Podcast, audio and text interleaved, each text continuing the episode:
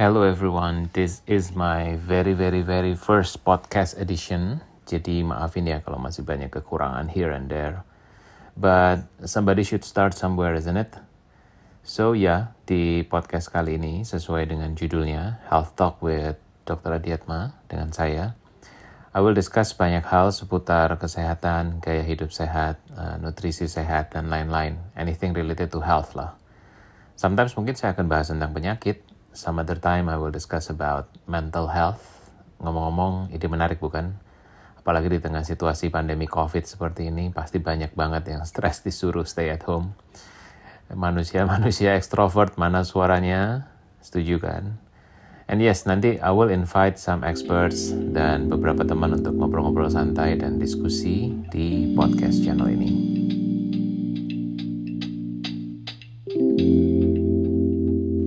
So ya, hari ini saya mau bahas tentang puasa dan daya tahan tubuh.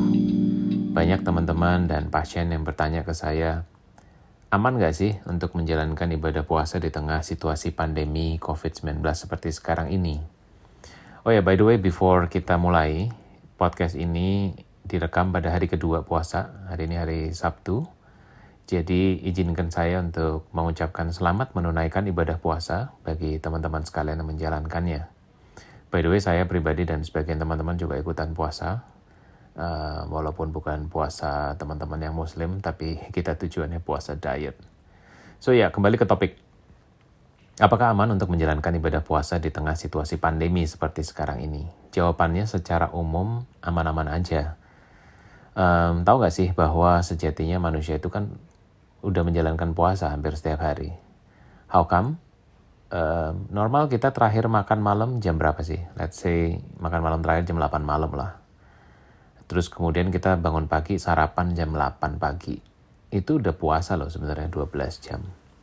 Nah pada bulan Ramadan ini puasa kan sekitar 14-15 jam. Jadi sebenarnya nggak terlalu beda-beda jauh. Paling perbedaan yang paling berat adalah um, teman-teman yang puasa bulan Ramadan nggak bisa minum kan. Dan banyak teman-teman saya bilang yang paling berat itu justru di bagian nggak minumnya. Bagian nahan laparnya sih nggak terlalu berat-berat amat, kata mereka sih gitu. Nah anyway, belum ada penelitian yang membuktikan bahwa praktek puasa itu menurunkan daya tahan tubuh seseorang. Bahkan orang yang melakukan intermittent fasting, misalkan 24 hingga 36 jam puasa, juga belum ada penelitian yang membuktikan bahwa daya tahan tubuh orang-orang tersebut akan turun. Nah, triknya adalah, kuncinya adalah waktu berbuka puasa sebaiknya berbuka dengan makanan yang sehat, ya. Kuncinya adalah berbuka dengan makanan yang sehat, bukan dengan makanan yang manis.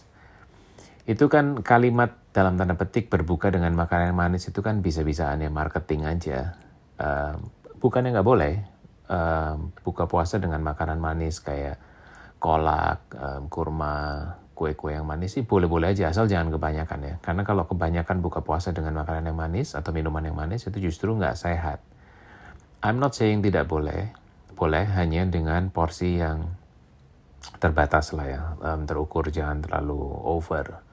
Jadi yang paling penting adalah buka puasa dengan nutrisi yang sehat.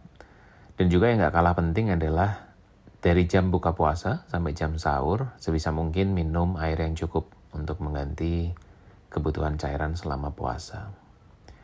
Jadi tentang tentang puasa dan daya tahan tubuh sih aman-aman aja secara umum ya. Nanti saya akan share di bagian terakhir podcast ini tentang beberapa catatan penting untuk kasus-kasus tertentu. Nah sekarang uh, manfaat puasa sendiri apa sih? Nomor satu buat mereka yang diabetes atau yang memiliki kondisi atau genetik pre-diabetes, puasa justru sangat baik buat kesehatan. Kenapa?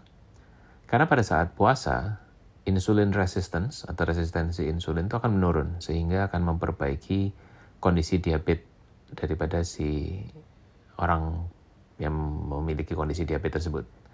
Cuman perlu diingat ya bahwa pada pasien diabetes yang ingin berpuasa itu sebaiknya memang konsultasi dulu dengan dokternya.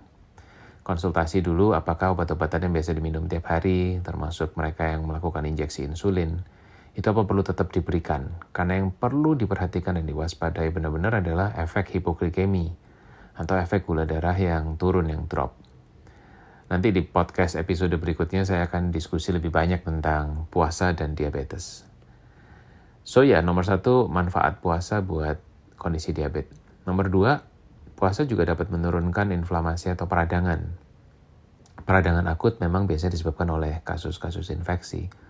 Tapi beberapa proses peradangan kronis itu bisa terjadi pada beberapa kondisi kesehatan seperti penyakit jantung, rematik, hingga kasus kanker. Sudah banyak studi dan penelitian yang menyebutkan bahwa puasa akan menurunkan level inflamasi seseorang. Nomor tiga, kesehatan jantung juga akan terpengaruh secara positif. Kadar kolesterol yang jahat akan turun, bahkan tekanan darah juga akan menjadi lebih baik. Nomor empat, nah ini yang banyak orang-orang suka nih, weight loss. Berapa banyak kalian yang puasa dan di akhir bulan Ramadan akhirnya berat berat badannya ikutan turun? Ya, yeah, that's a, that's a good thing. Terutama buat mereka yang overweight atau obese dan mereka yang memiliki metabolic syndrome seperti high cholesterol, diabetes, hipertensi, sudah banyak penelitian yang membuktikan dan jujur saya pribadi membuktikannya bahwa puasa dapat menurunkan body fat, lemak-lemak tubuh yang nggak penting, yang nggak sehat di tubuh kita itu. Nah tentang hal ini juga akan saya bahas di podcast berikutnya. Sebenarnya masih banyak banget manfaat dari puasa, tapi hari ini cukup empat itu dulu yang saya share. Oh ya, catatan khusus buat mereka yang berusia lanjut, jadi mungkin orang tua kita atau paman, bibi, kakek nenek kita, atau mereka yang punya kondisi penyakit khusus, atau mereka yang sedang hamil. Puasa mungkin sebaiknya tidak dipaksakan. Tiap-tiap kasus dan orang akan perlu approach yang berbeda-beda. Dan saya highly suggest untuk konsultasi dulu dengan dokter. Jangan sok tahu, jangan maksain diri, jangan cari-cari informasi dan menyimpulkan sendiri. Karena tiap kasus beda-beda. Please, please konsultasi dulu sama your doctor. Oke, okay? semoga bermanfaat diskusi hari ini. And if you think it is useful, please show some love, follow, and share it to your friends. Karena saya selalu percaya bahwa ilmu atau informasi yang baik akan jauh lebih bermanfaat bila disebarluaskan. Karena akan menjadi kebajikan buat banyak orang. Oke okay, guys, stay safe, stay at home, and stay healthy always.